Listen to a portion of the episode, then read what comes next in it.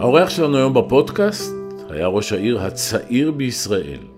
הוא נולד וגדל בבאר שבע לרחל ואליהו, השלישי מתוך ארבעה אחים. את מיטב האנרגיה בילדותו הקדיש לכדורגל בתקווה להיות כוכב, עד שהחלום נגנז. את דרכו הפוליטית החל כבר באוניברסיטה, ששימש כעוזרו האישי של יעקב טרנר, לפני 16 שנה, שהוא רק בן 32, הוא הדיח את ראש העיר המיתולוגי. על יחסיו עם אחיו הגדול שהתמכר לסמים, על הרגע שבו הודח מהנבחרת הבוגרת בכדורגל, ואיך נראים חיי רווקות של ראש עיר בן 48. אינטימי היום עם רוביק דנילביץ'.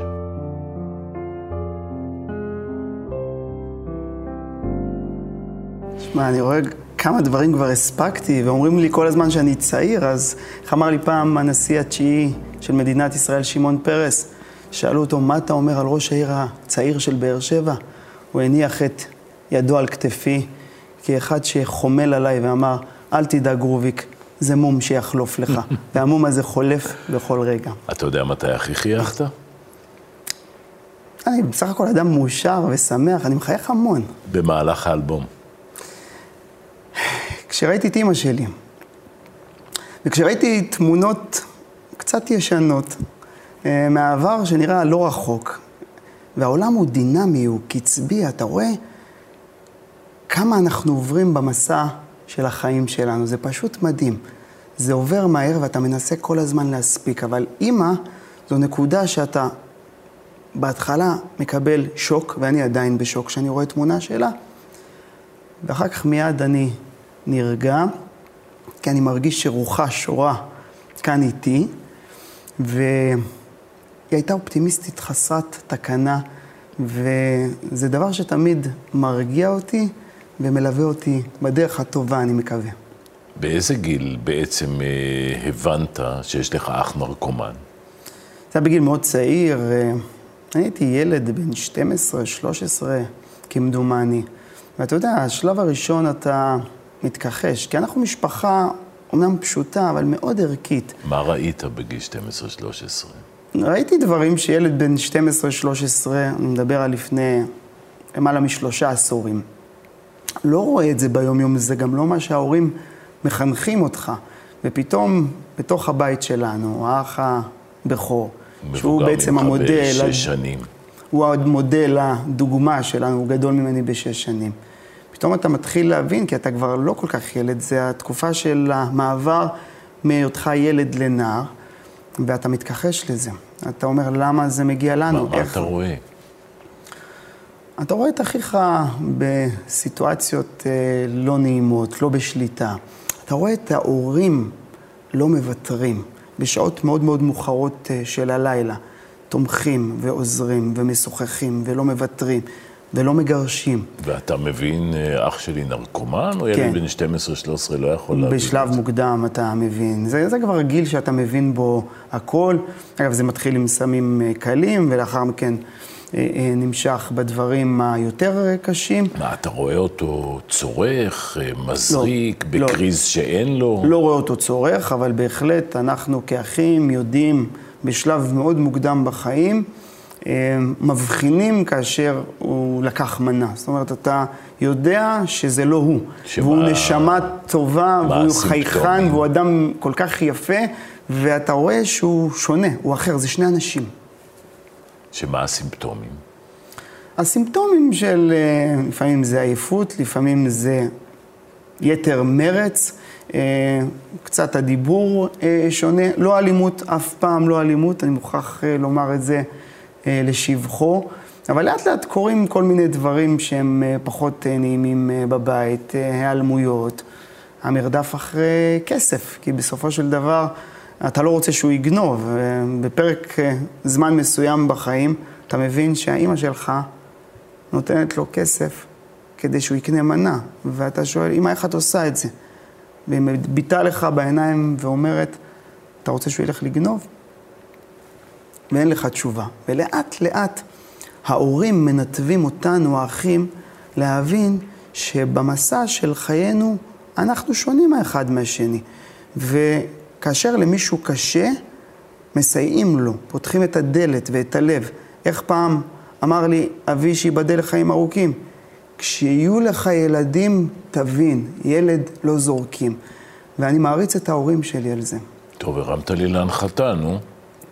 חתונה. עוד נגיע לזה, עזוב. אני בכל זאת אה, תוהה אם בדיעבד אתה יכול להבין איך הוא יידרדר למצב הזה. זה התחיל בצבא אגב, אה, במשהו מאוד מאוד קטן מינורי, ומשפט, וכלא, ולאט לאט החיים אה, לוקחים מסלול אחר לגמרי, במיוחד לאור העובדה שהוא באמת אדם טוב, הוא לא עבריין. על מה הוא נשפט? על חשיש. אז, בתקופתו, לפני הרבה מאוד שנים. וזה דווקא התקופה בכלא, כמה זמן? נדמה לי שזה היה משהו כמו 30 יום, כלא צבאי. ומשם הוא הידרדר, אתה אומר. ומשם זה כבר אה, הידרדרות אה, עם חברה קצת פחות טובה. ואז יש את התהליך הקבוע, כל פעם האשליה שהוא נגמל, כן. והנפילה, וההשקעה. בהתחלה אה, זה שבר, כי אתה כל הזמן חי בתקווה. ועוד גמילה, ועוד ניסיון, ועוד גמילה, ומביאים איזו זריקה מיוחדת, וכל פעם נותנים לך לחיות אה, אה, באיזושהי תקווה שהנה, אוטוטו, אוטוטו זה קורה. אף פעם לא התעמתת איתו, כעסת שהוא שוב ושוב שכן. מבטיח וחוזר. בוודאי שכן. היו תקופות של נתקים. היו תקופות של נתקים אה, כי הוא היה אה, בורח. אה, האמת שהוא גם לא היה רוצה שנראה אותו אה, ככה. זה נכון שזה מתסכל, שזה קורה עוד פעם ועוד פעם, ואני לא מדבר על רצף של שנתיים, שלוש, ארבע שנים. אני מדבר על שלושה עשורים. והשיחה האחרונה שהייתה לי איתו, לפני שהוא הלך לראשונה בחייו לכפר גמילה לשנה וחצי, ועבר תהליך, וברוך השם, ברוך השם, על אף שאין תעודת ביטוח, הוא כבר נקי ועובד עכשיו, וברוך השם הכל בסדר. אני לא רוצה להשבית את השמחה, אבל אתה יודע, אחוז הנגמלים אה, מסמים קשים, לא רוצה בכלל להגיד לך כמה הוא נמוך. א', אתה לא משבית שום שמחה. אנחנו אנשים מאוד מציאותיים. אנחנו חיים את החיים. גם ברגעים שאתה אומר, הסטטיסטיקה, אני לא מדבר על סטטיסטיקות, רפי, אני לא מדבר עם מספרים, אני מדבר על אח שלי. זה בשר מבשרי, זה לא מספר. בוא נחזור אליך. כישלון צורב וכואב, זה כמובן מה שהשקעת בו את כל מרצך עד גיל 20. נכון. ולכאורה היית מאוד מבטיח, היית קפטן, הבאת גביעים בהפועל באר שבע, פתאום אתה עולה לבוגרים, מה, שיחה אחת מכוננת שאומרים לך, אין לך את זה? ברגע אחד מישהו מנפץ לך את החלום. מה הוא אומר לך, אתה זוכר את כן, המילים? בוודאי. אתה לא בתוכניות שלי. אני חושב שזה גם לא מתאים לך, אתה צנום, אתה לא מספיק חזק בכדורגל המודרני, ואני שותק. אני שותק כי מגיל 6 עד גיל 21 התמסרתי רק לדבר אחד, וויתרתי בדרך על הרבה מאוד דברים. כמעט ולא למדתי, סיימתי את אה, אה, מערכת החינוך עם אפס יחידות בגרות, שום דבר. אה, כי הייתי בטוח שאני הולך להיות כוכב כדורגל. זאת הייתה בחירה אישית. הייתי תמיד מעורב, יושב ראש מועצת התלמידים. בגלל זה גם השאירו אותי בבית הספר, בגלל שהייתי ספורטאי מצטיין והייתי מעורב חברתית. אבל פתאום אתה מוצא את עצמך עם שבר כל כך גדול, לא למדת, חלום חייך התנפץ, ועל הדרך, רפי, אם אני פותח את סגור ליבי, האהבה הראשונה האמיתית שלי גדולה ממני בשלוש שנים, ואחרי שבעה חודשים גם היא נותנת לי בעיטת וולה ומרסקת לי את הנשמה. וכמה וככה, היית? 21. ככה אני יוצא מה היא לאזרחות. אומרת לך, זה לא אתה, זה אני? היא חוזרת לחבר שלה הראשון, והיא מתחתנת כעבור שנה. ואני מסתכל, ואומר לעצמי, לאן אני ממשיך? כישלון צורב, חלום שמתנפץ, אהבה נכזבת. אבל לא היה לך את הרצון להיאבק על החברה, להגיד לו מה אתה מבלבל את המוח, אני עוד אוכיח לך, אני עוד אעשה קריירה בינלאומית. משום מה השלמת עם המסר שלו. יש שלב מסוים בחיים שאדם, כל אדם, צריך לדבר עם עצמו, והוא צריך לעשות תיאום ציפיות. יש שלב שמסתיים בחיים, ואתה אומר, אולי יש צדק בדבר הזה שאמר לך המאמן. וזה נכון, שבוע ימים אתה במראה שחורה ולא טוב לך, ואתה נכנס לתקופה מאוד לא טובה, אתה פחות אוכל. ומאותו רגע, כל אתגר שהצבתי לעצמי, אני שמח שגם הצלחתי בו. ללכת ללמוד, להשלים את תעודת הבגרות, ללכת ללמוד באוניברסיטה, להקים את הסטודנטים, להצטרף לפעילות פוליטית. בגיל 26 וחצי, 27, נבחרתי להיות כבר סגן ראש עיר של יעקב טרנר, שייבדל לחיים ארוכים. יעקב ופתאום... טרנר זה נושא כאוב? לא, אנחנו ביחסים נהדרים. זה לא נושא כאוב, כי כאשר אתה מדבר על הדברים, אה, גם אם יש מתיחויות וקצת פצעים מהעבר, אבל כשאתה אמיתי ואתה מדבר כל הזמן ואתה לא מפנה עורף, אז הדברים... אבל זה היה לילות בלי שינה? בהחלט כן. בוא לילות... נבהיר שאתה בעצם הכתרת אותו, ואתה גם זה שמדיח אותו אחרי שתי אה, קדנציות, אני אקרא לך ציטוט שלו, אמרתי לו, רוביק, בגדת בי. היעלה על הדעת שבן יקום יום אחד על אביו ויחליט להוציא אותו מביתו ולקחת את מפעל חייו מול עיניו? זה כאב לי מאוד. מערכת הבחירות הייתה מאוד מאוד כואבת, כי אני אה, אה, במודע החלטתי שלאבא מותר לסתור לבן שלו, אני אומר את זה כמטאפורה, אבל לבן אסור להגיב. אז קצת קיבלתי חבטות והמשכתי בדרך. אה, היו לנו המון שיחות לפני שקיבלתי את ההחלטה איתו ועם ילדיו, איך אה, אה, לגרום לו לא להתמודד, כי כל הסביבה הקרובה שלו לא רצתה גם שהוא יתמודד.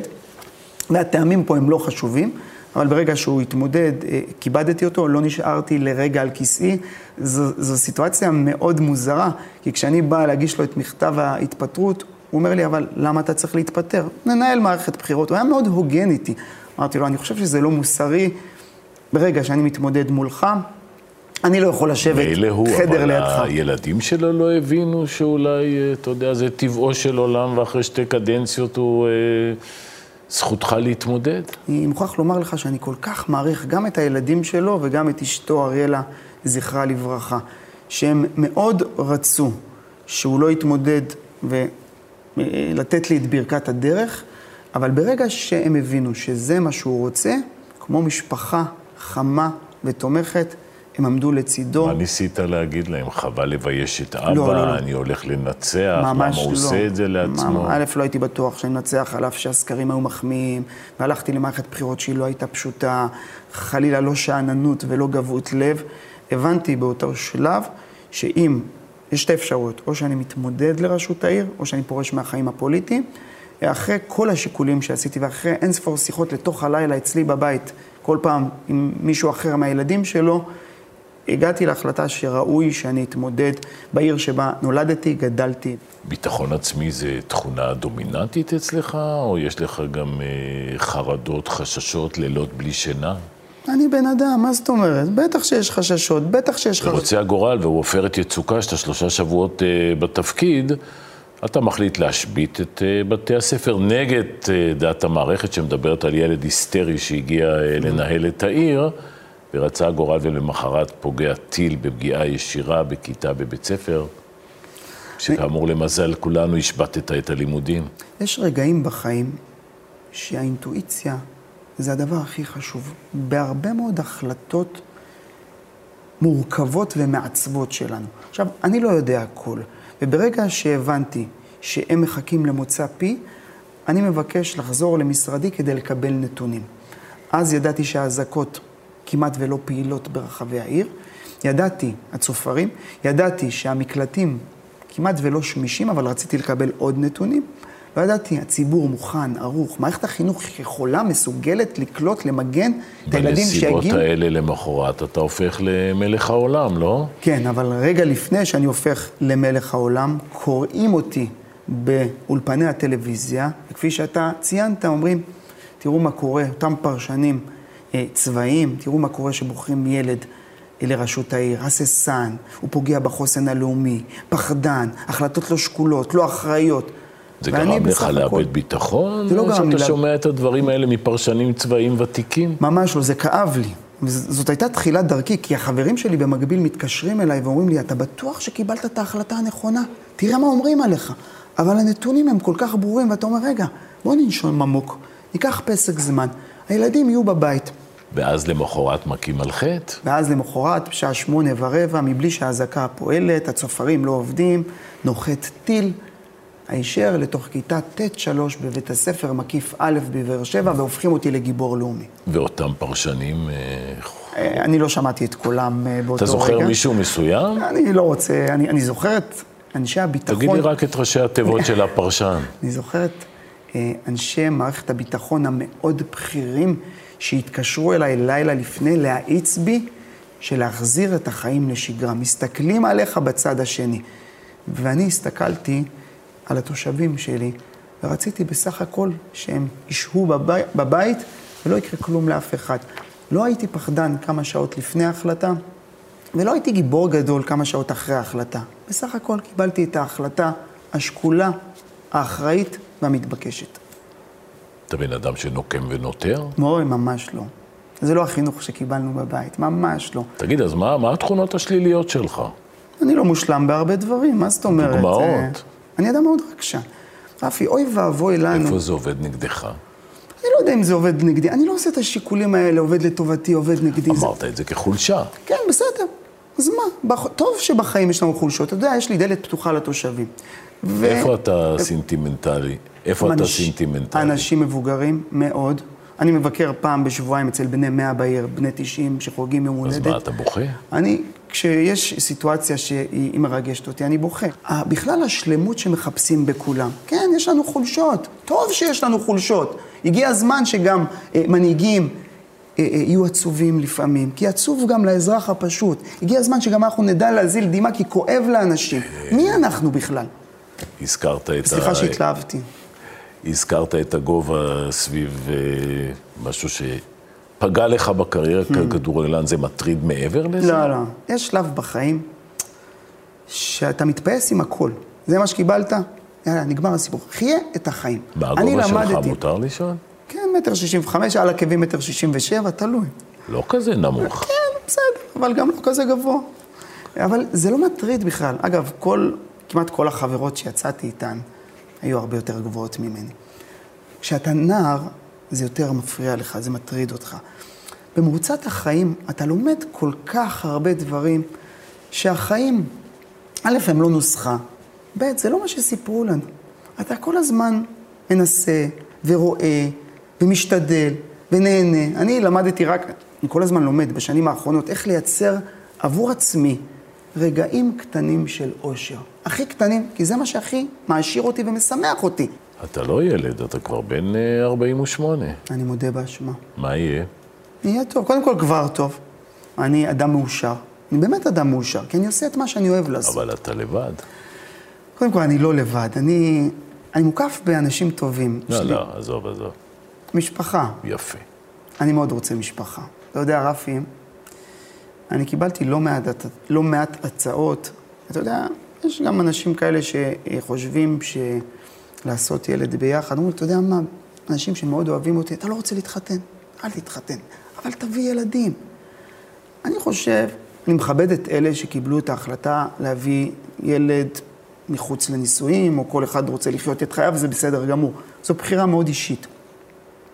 אני מאמין גדול במשפחה. אני מאוד שמרן, אגב, בנושא הזה. אני בא ממשפחה מאוד חמה. אתה מוצא קשר בין אה, אותה טראומה ששיתפת עם הבחורה שעזבה אותך והתחתנה עם מישהו אחר, אה, לבין זה שעד היום לא התחתנת? לא, ממש לא. פסיכולוגיה לא, פסיכ- בגרוש? בגרוש, ממש בגרוש. לא. אז אה, מה- אז מה הבעיה, בחיים רובי? חווים כל מיני... זה ההזדמנות לדבר על זה, מה הבעיה? א', אין שום בעיה. יש בעיה. אני טוטאלי. אני, מה שאומרים, נשוי לעיר. אני שייך לציבור. אוי, זה קלישאה. אני שייך לציבור. אוי, אוי, כמה קלישאה. שאתה לא יודע שזה לא קלישאה. אתה יודע, רפי, להיות חלק מהעיר שבה נולדת וגדלת, ואני מכיר המון המון תושבים, זה כמעט 230 אלף תושבים. אני לא אגיד שאני מכיר את כולם, אני מכיר רבים מהם. אני הולך כמעט לכל חתונה, לכל בר מצווה, לכל ברית מילה, לכל מסיבה. אז אין לך זמן לצאת לדייטים. זה לא, זה לא שאין לי זמן, כי אני גם מייצר את הזמן הזה. אבל לא כל אחת מוכנה לחיות חיים כאלה שהאדם... כשאני הולך לקניות בסופר, זה לא קניות של חצי שעה, זה קניות של שעתיים וחצי. למה? כי לי יש סבלנות. אני רוצה לגעת באנשים, אני רוצה להרגיש את האנשים. הם נתנו לי את הזכות לשרת אותם, אני משרת שלהם. עכשיו, כשאתה נמצא בדייט, וזה קורה לא פעם, אז ניגשים אליך אנשים, לפעמים רק להגיד מילה טובה, לפעמים רק להצטלם. לא כל אחת מוכנה לקחת את זה הביתה.